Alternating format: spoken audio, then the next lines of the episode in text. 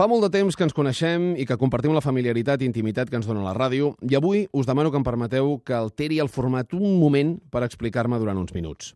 És un gran honor dirigir el Matí de Catalunya Ràdio i també una gran responsabilitat.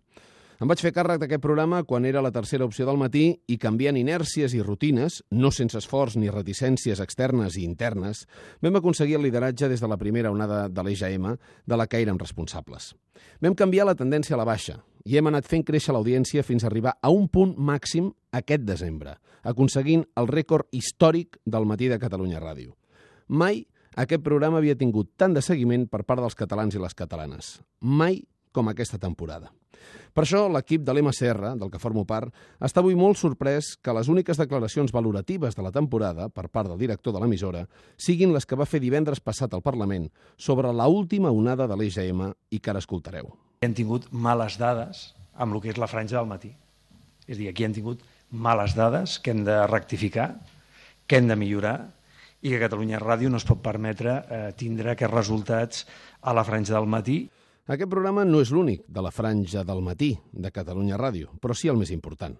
Si algú vol fer un anàlisi seriós amb les nostres xifres d'audiència i trajectòria, com per exemple vam fer el punt avui fa poques setmanes, veuran que l'èxit és evident i que gràcies al nostre matí, avui Catalunya Ràdio està molt millor que com ens la vam trobar i que amb els canvis estructurals i de ritme que hem aportat al format, l'hem renovat i modernitzat acuradament com per estar en disposició per lluitar pel lideratge numèric d'audiència, cosa que en altres franges per dissort no passa.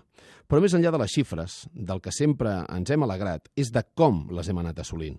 Buscant el rigor, preparant-nos a fons per saber en tot moment del que parlem, encara que els temes fossin espinosos o feixucs, amb independència editorial, encara que molts l'hagin volgut trencar a cop de telèfon, i amb inconformisme amb les respostes fugisseres, perquè creiem que així els ho devem als oients. I d'això els directius tampoc no en van dir res en seu parlamentària.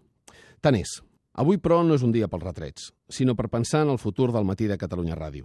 I us he de dir que aquest cap de setmana he fet saber al president de la Corporació Catalana de Mitjans Audiovisuals la meva intenció de no seguir al capdavant del programa la temporada que ve, a més de recordar-li el meu agraïment pel gran honor que ha suposat per mi fer-lo durant quatre llargues temporades.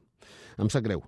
Mentre he dirigit aquest programa, ho he fet intensament, dedicant-m'hi en cos i ànima, però ara crec que és el moment de repensar el meu futur. Espero que sabreu entendre i respectar la meva decisió. Els que em coneixeu bé sabeu que hi ha circumstàncies familiars adverses que en els últims mesos m'han provocat un gran desgast. I alhora, també crec que la meva dona i els meus fills els dec des de fa temps poder llevar-nos junts i acompanyar els petits a l'escola. El matí de Catalunya Ràdio seguirà necessitant algú al capdavant amb molta empenta per afrontar des de la ràdio pública els nous i apassionants temps que viurà el país. Segur que la direcció d'aquesta casa triarà bé, com també espero que sabrà trobar la millor solució pels treballadors de l'emissora, que amb el seu treball i orgull han fet gran aquesta casa. A mi sempre en tindreu.